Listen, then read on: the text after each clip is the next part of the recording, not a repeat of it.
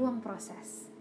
Sejatinya, sebagai manusia yang diberikan kesempatan untuk hidup di muka bumi ini, kita menjalani proses demi proses setiap harinya, yang menjadi pembelajaran dan cerita juga untuk di masa depan.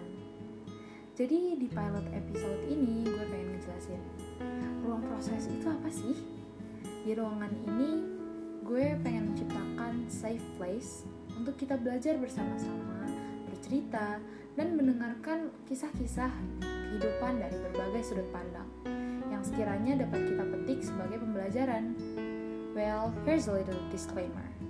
No one is 100% right dan setiap orang memiliki persepsi atau cara berpikir yang berbeda-beda.